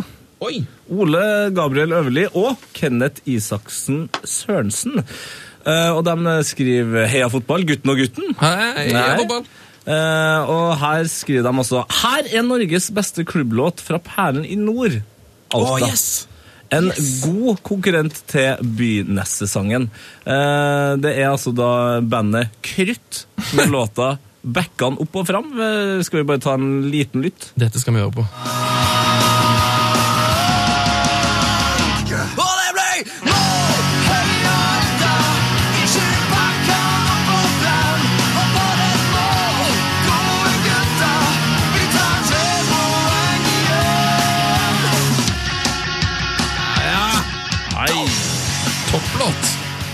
Ja, det her er en god, god bredde, breddelåt, altså. Lars hadde kommet til å blitt helt eh, vill. Høyt nivå. Har han noe Wolfsburg-sang, Karoline? Ja, det er et par-tre stykker der.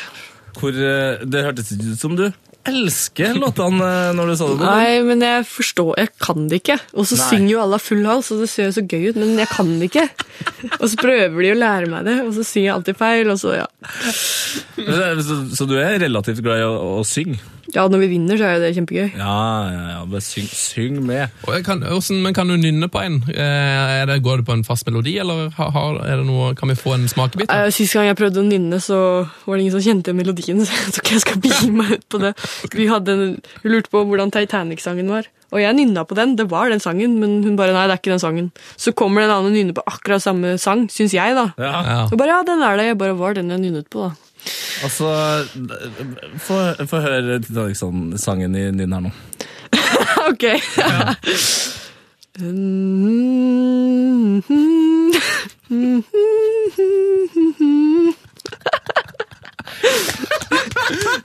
Wow! Det er Celine Dion, ja. Ja, jeg kan den ikke. Altså, for meg så høres det jo da likt ut. Ja, Wherever you go. Ja, det kom seg. Altså, jeg har utrolig lyst på det, til på det målet, men, eh, men etter den siste runden der, så Nå er det 4-1, altså. Ja, det er fire igjen. Gir du meg for den? Ok. Du deler det sjøl. Ja, det er viktig. Eh, Har du mer post og brevet? Ja, kanskje, har du fått noe og brev, Karoline? Mm, Ja, Som fanpost, tenker du på? Ja. Ja. Får du, altså, får du mye, er det mye fanpost? Det er veldig mange som vil ha sånn bilder og autografer og dill og dall. Mest, eh, mest eh, små jenter eller små gutter? Nei, Jeg tror det er mest gamle menn, egentlig. Som, men det er veldig mange som har autografsamling som sin hobby i Tyskland.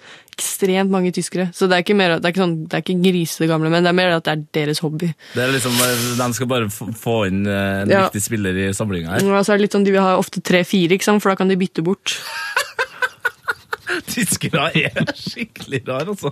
Det er et kongeland. Det er et kongeland. Oh, ja, det, det, eh, nå kommer, det her er veldig off topic, men eh, jeg vet at i, i Tyskland så er de veldig glad i å bade nakne. Eh, De er generelt veldig glad i naken, at du er naken. ja, Er det noe du har Er det en sånn kulturforskjell som er litt vanskelig å håndtere? Veldig. Det er sånn, I badstue kjører de jo felles naken. Ja, den er vrien. Den, Felles naken, ja. Ja, så det er liksom Folk er ja, skal vi gå i badstuen? Og jeg og den svenske Nilla vi er sånn eh, Jeg tror vi dropper det. Og de bare ja, hvorfor det? Nei, vi, jeg sitter ikke i en badstue med menn på over 50 som er kliss naken, og så må jeg være kliss naken. Det skjer ikke. Og de bare ja, hvorfor skjer ikke det? Nei, det altså- skjer bare ikke. Altså, Jeg, kjente sjøl nå at jeg ble nervøs for at du kanskje måtte dele badstue med Bastost, liksom. Altså, altså, verdens største fotballspiller. Det tenkte Ja. jeg, eller, og, tenk deg lord Bentner i badstua. Ja, uff, nei, jeg klarer ikke å tenke på det. Altså, skal du liksom Ikke tenk på det, forresten. Beklager. Ikke Så tenk på det. det er liksom da, det, det er veldig sånn annerledes, og folk sprader jo bare rundt naken i garderoben, og det er, litt annerledes. Eller de sprader ikke rundt, men sånn i forhold til nakenhet da, i Norge så er det veldig sånn når du går på treningsstudio. Ja. Hvis du ikke har håndkle tett rundt i deg, så ser jo folk rart på deg. bare... Og hvis du ikke har håndkle tett rundt deg når du skifter, så ser jo, hvis du på en måte viser rumpa, så er det galt. Tyskerne er veldig mer sånn, det er naturlig, og det bør jo være en naturlig sak òg, så De, tar, de, de, de syns ikke det er gærent å ta en liten tøy, eh, hvis de, eh, altså at de tøyer litt grann Nei, det har jeg ikke sett noen gjøre. Men eh, det, er mer, det faller mer naturlig for dem å ikke på en måte skjule seg for eh, samme kjønn. I Norge så er det sånn du må skjule deg helt, hvis ikke så får du jo, blir du nesten klaga på på treningsstudio. Så Fantastisk. det er annerledes. Men akkurat den badstuegreia den takler jeg ikke helt. Den har jeg, ikke, jeg har ikke prøvd badstue ennå i Tyskland. Du, det, skjønner jeg, så- det skjønner jeg så godt. Jeg er livredd for å, for å måtte gå i sånn Det passer meg veldig mye bedre enn deg. Sven. Det, Jeg kan ikke gå og bade i Tyskland, altså. Jeg, jeg, jeg ser ikke for meg at jeg kunne klart det. Uh, vi har fått en eh, mail fra Jo. Heia fotball, jo. Heia fotball, jo. Um, og den her er jo da sendt uh, Det er faktisk sendt denne uka her. Han skriver 'Hei, gutter'. Han vet jo ikke at uh, Karoline er her, så vi får si Hei, gutter og jenter. hei gutter og jenter. Um, og så skriver han Sven og jeg deler ikke bare en lidenskap for fotball, da Manchester United er min favorittklubb, men jeg mener også har hørt at vi, ikke, at vi gjør det samme innen musikk, da The Libertines er et favorittband. Og det er helt, helt riktig et av mine favorittband. Eh, og når jeg kom over denne artikkelen, eh, altså, måtte han liksom gi lyd. da. Ja. Musikere som spiller fotball, har nme.com skrevet om. Um, og Der er det altså en sånn liste over de mest kjente musikerne som eh, driver fotball. da. ja. Eh, Her kan du da lære at eh, Liam Gallagher han har spilt en veldedighetskamp i Italia nylig. ja det er Lett overvektig. Um, og så ligger det jo da selvfølgelig en sak om dette her, altså verdens beste mål skåret av en musiker. Han uh, gitaristen i Kisabien. Ja, stemmer. Det var, det var vel faktisk Old Trafford. det. Eh, ja, Serge Pisorno uh, har en sånn 16 meters chip i lengste kryss over David Seaman i en eh, sånn har, jeg, tror- jeg tror faktisk han har italiensk slekt. Eh, litt som eh, Jeg var jo på festival nå i Barcelona, eh, og der spilte Strokes. Ja, Og der var altså Julian Casablancas, vokalisten i Strokes, var egentlig jæskla sint i første halvtimen. Ja. eh, Fordi han bare fikk med seg første omgang av eh, den spanske cupfinalen. Så mellom hver låt så sto han egentlig bare og ranta om at han egentlig Ja, skulle ha skjedd sett kamp isteden. fantastisk. Mm. Ja, det, konserten krasja. Ja, men eh, er mailen ferdig? For jeg har, et par spørsmål til Karo her. Eh, liten ting om Pete Doherty eh, i slutten av mailen. da. Han er jo da um, briljant musiker, yrkesnarkoman. Eh, sies å ha vært et fotballtalent. Og har faktisk eh, hørt mitt gamle band og sagt at det var bra. Er det mulig? Disco han- Violente? Nei, før det. Vi kunne, ja. Kun, ja. Mm. Det. Han er jo QPR-fan, um, og så finnes det et klipp av da, hvor han um, spiller en veldedighetskamp i 2005. Og, men det som er rart med at, i det klippet, er at han stjeler en pommes frites fra en tilskuer. Så det anbefaler jeg nesten alle i hele verden å se. sjekke skje. Eh, Men da har jeg to spørsmål til Karo. Én, hva er favorittlaget ditt? Manchester United. Oi! Yes. To United-fans her nå. Eh, og Veldig da, bra. hva er favorittartisten din? Det er vanskelig spørsmål, faktisk. Jeg jeg er veldig sånn som kan høre på stort sett alt. Hva som helst. Ja. Men uh, jeg syns han i Fallout Boys er uh, artisten der, jeg vet ikke hva han Ja, heter. Pete Wentz! Han syns jeg har fantastisk stemme. Ja, Pete Wentz, ja. Oh, vi er jo, vi, jeg og Sven er jo ekstremt fan av låta eh, Fallout Boy-låta. Hva fader heter den igjen? da? Den heter Sugar We're Going Down. Topplåt av Fallout Boy. Eh, Du har ikke hørt noe på Vikunja da, eller Disko Violente, som, som er Tete sine band? Nei, dessverre. Eh, Du må vurdere å sjekke det ut. Eh, Ja, nei, ikke sjekket han gamle bandet. Men sjekk ut nye bandet Døden. Ja, det Ok. er kjempetrivelig, kjempetrivelig musikk. Eh, Jeg lurer på, hva, bare Siden Tete da spiller et ganske hardt rockeband som heter Døden, hva, hva tenker du når du hører det bandet? Hva er det, gi meg noe, hvilke fargespektre ser du for deg her? Hva slags musikk tror du? Sånn scream-musikk. Jeg vet ikke hva det heter, men det er bare skriking og svart. Noe, noe for det? Nei, det er ikke noe for meg. Der stopper det, liksom. Ja, da skal jeg ikke, da skal jeg ikke plage deg noe med døden. Kommer til å like det. Tyskerne kommer til å digge det. Ja, tyskerne elsker det. Jeg vet ikke, det er sikkert noen tyskere som liker det. De er veldig på, Har du hørt om Helene Fischer? Helen Fischer, ja. Det er favoritten der nede. Det- i garderoben vår. Der går grensen. ja. Jeg tror vi må gå videre. Til min spalte, Å, herregud, ja. ja.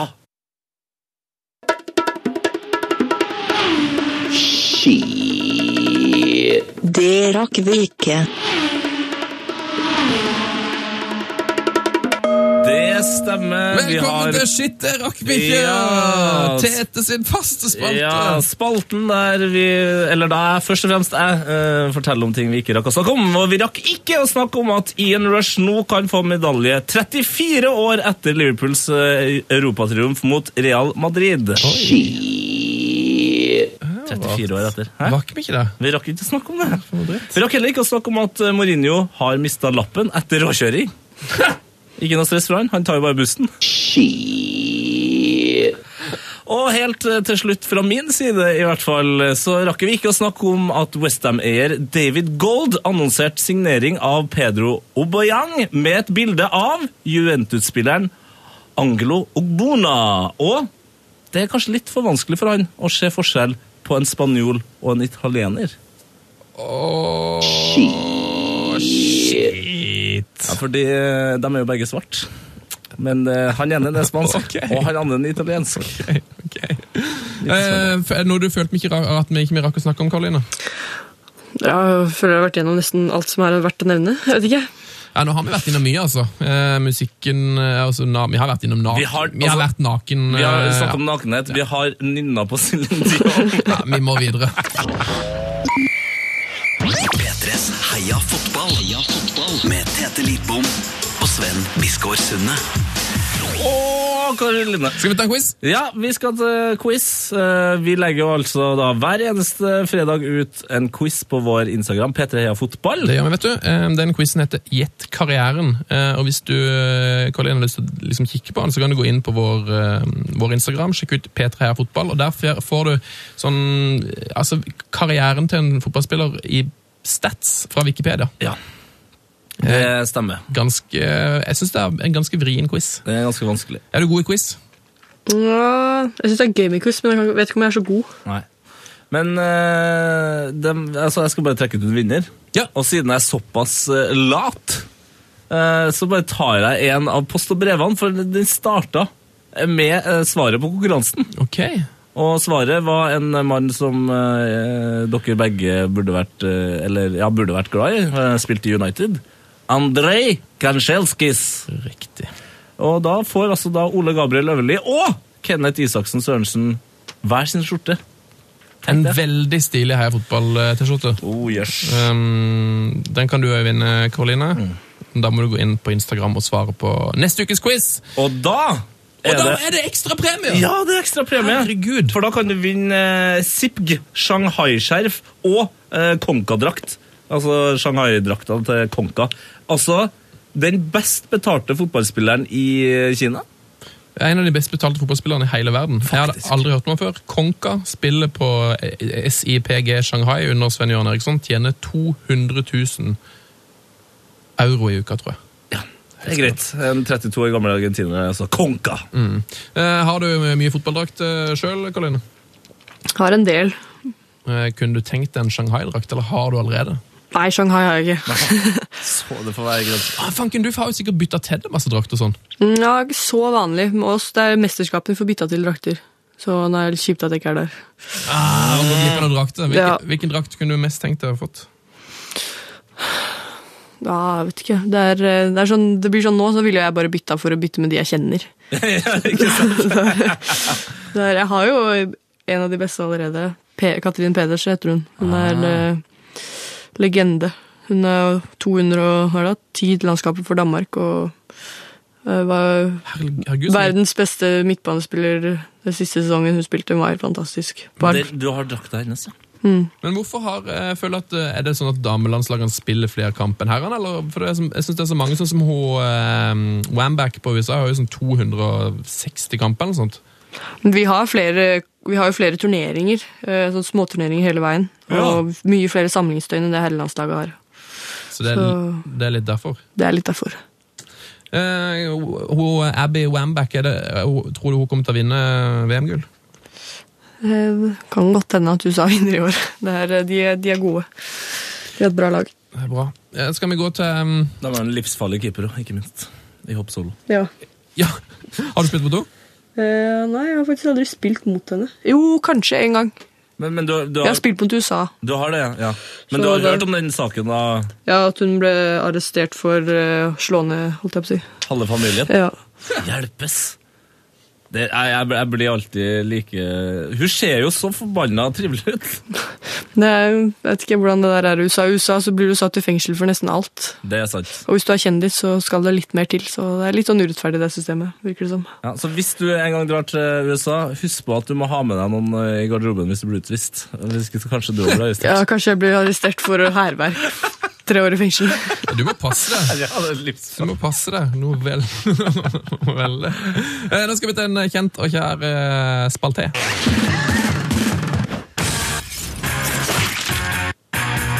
Heia fotballs glory hall. Oh yes! Oh yes, MP3s store eh, nye stjerne, eh, Adiele, som uh, har Som har, som har jinglestemmen her. Ja. Og det er Christer Dahl som har lagd det, det lydklippet her òg, um, Karoline. Nå har vi altså da kommet til Heia Fotballs Glory Hall. Eh, kjenner du konseptet, Karoline? Nei, det gjør jeg ikke. Nei, da skal Sven få lov til å forklare deg det. Heia Fotballs eh, Glory Hall det er vår um, hyllestklubb. Den befinner seg langt, langt oppe i stjernene. Um, hvem er det vi har hylla til nå? Vi har blant annet hylla Ledley King. Ledley King. Å, han er sjelden vi nevner.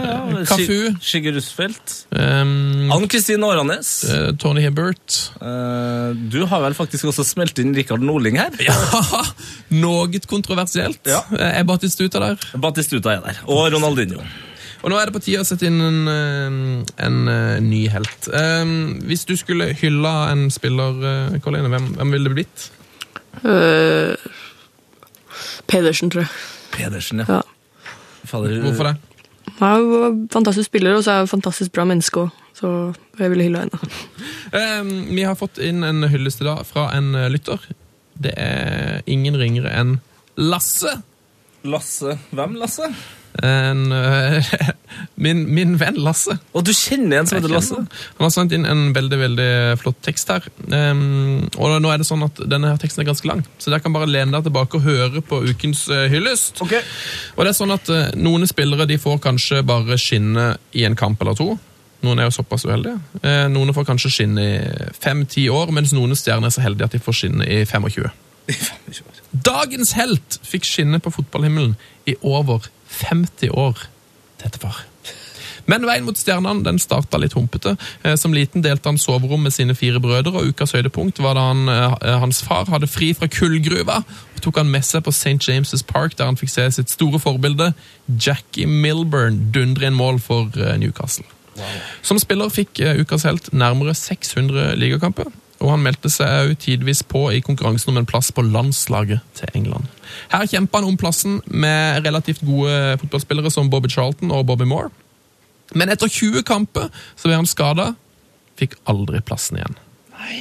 Et av hans mest kjente sitater er In all my time as a footballer, I didn't win a thing. Han vant ingenting. Men eh, nå begynte ting å se lysere ut etter at han slutta som spiller. Eh, han ble nemlig henta som eh, trener til det nystarta amerikanske laget Vancouver Royals. Eh, Han hadde alltid drømt om å være trener for sitt eget lag, men det gikk liksom ikke helt etter planen i Vancouver heller. For etter kort et tid etter at han kom til klubben, så ble laget fusjonert sammen med San Francisco Gales, og deres trener, legenden Ferenc Puskas, tok over som hovedtrener. Smell. Så han måtte vente litt til for å få liksom, karrieren skikkelig på glid her. Eh, Fullham henta han hjem til England som manager.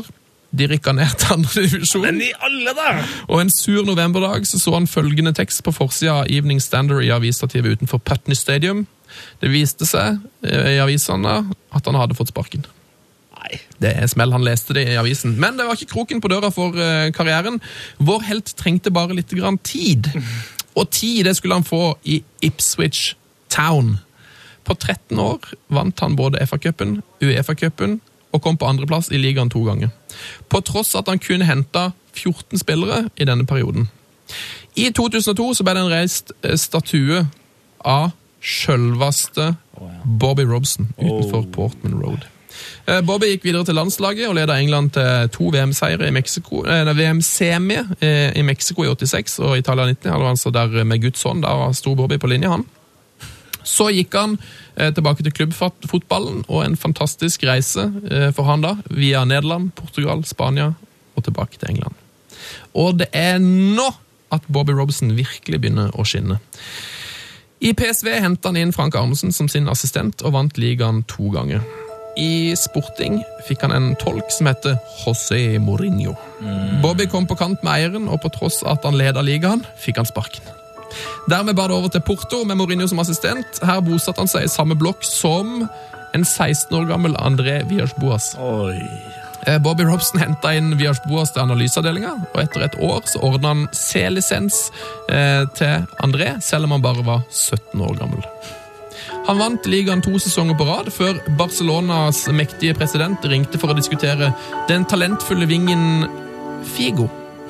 Han spilte jo selvfølgelig under Robson, og det her endte da med at eh, de fant ut at de kunne jo like gjerne ta med seg Robson òg, på lasset.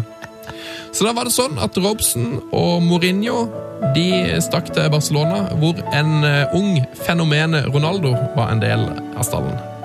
Ronaldo oppsummerer Bobby Robson på denne måten. I've had a lot of managers in football, but the difference between all of them and Sir Bobby was his humanity and the relationship he had with the players. He was always like a father to everyone. Bobby vinner den spanske cupen, supercupen, cupvinnercupen. Han blir årets manager i Europa, og Ronaldo den yngste spilleren noen gang eh, til å vinne World Player of the Year. I tillegg så har Bobby fått Order of the British Empire og blitt adla. Han har òg blitt innlemma i Hall of Fame og football, eh, Uefa President Award og utallige andre utmerkelser. Men Bobby han bestemte seg for at han ville hjem. Etter at Gullit hadde plassert Scherer på benken, og Newcastle lå på sisteplass i Premier League, så tok eh, Bobby Robson over. Første kamp i Newcastle endte med at Newcastle vant 8-0, og Scherer skåra fem mål. Resten er historie, eh, og det er på høy tid å hylle sir Bobby Robson her i Her Fotballs Glory Hall. Han døde som følge av lungekreft i 2009, men ifølge hans gode venn José Mourinho så lever han fortsatt videre. Bobby Robson is one of those people who never die. Oi, oi, oi, oi, oi. Velkommen inn, Bobby Robson. Det er en grei karriere, det, Coline. Ja, altså Hvis du klarer å holde på i 50 år, så er det godt gjort. Kommer du, kommer du noen gang til å øh, gå for trenerrollen sjøl når du legger opp? Det er jo 100 år til, selvfølgelig, men øh, Vi får se, da. Det er interessant. Da kan man jobbe med fotball videre. og Det hadde vært gøy. Så se hva tiden vil bringe. Fortsett med jobben. Ja, jobben. Det er det. ja, øh, heldigvis har vi mye av din øh, spillende karriere å glede oss til før den tid. Eh, og ikke minst så må vi bare håpe at Norge slår Tyskland. For det vet jo alle som hører på nå, om vi har gjort det eller ikke. Ja. det er det, da. Og så må du eh, ha liksom god bedring. Når er det du regner med å være tilbake og spille fotball igjen? Eh, Jeg håper jo å spille fotball igjen i begynnelsen av august. Det gjør jeg. At jeg kan begynne så smått da. Kanskje før. Få se. God, Veldig, veldig ti- god timing. Så må jeg gratulere deg. Hvor mye, du- mye var det du vant til slutt i konkurransen vår? Jeg stoppa på 4-1. Det er fire ja. Det Ja, ja, nei, vi, vi, får, vi får øh, invitere deg etter en øh, Til en revansj! Etter, til en revansj etter litt øh, trening. Ja, det gleder jeg meg til. Kjempefint. Strålende! Så må du ha en uh, fin eh, fotballhelg og kose deg på i, V- Du skal i VM-studio da? Ja, Må hilse, må hilse til Lise, bestemor, og til Karina. skal jeg gjøre det. Supert! Heia fotball! Hei, fotball. Frank de Boer speelt de bal. Heel goed naar Dennis Bergkamp. Dennis Bergkamp. Dennis Bergkamp neemt de bal aan. Dennis Bergkamp. Dennis Bergkamp. Dennis Bergkamp. Dennis Bergkamp. Dennis Bergkamp. Oh! Frank de Boer speelt de bal aan Dennis Bergkamp. Die neemt de bal feilloos aan. En ik schiet de bal erin. We spelen nog officieel 20 seconden. Dennis Bergkamp. P3s Heia fotball. Ny episode hver fredag. Last ned din nye favorittpodkast på p3.no podkast. P3.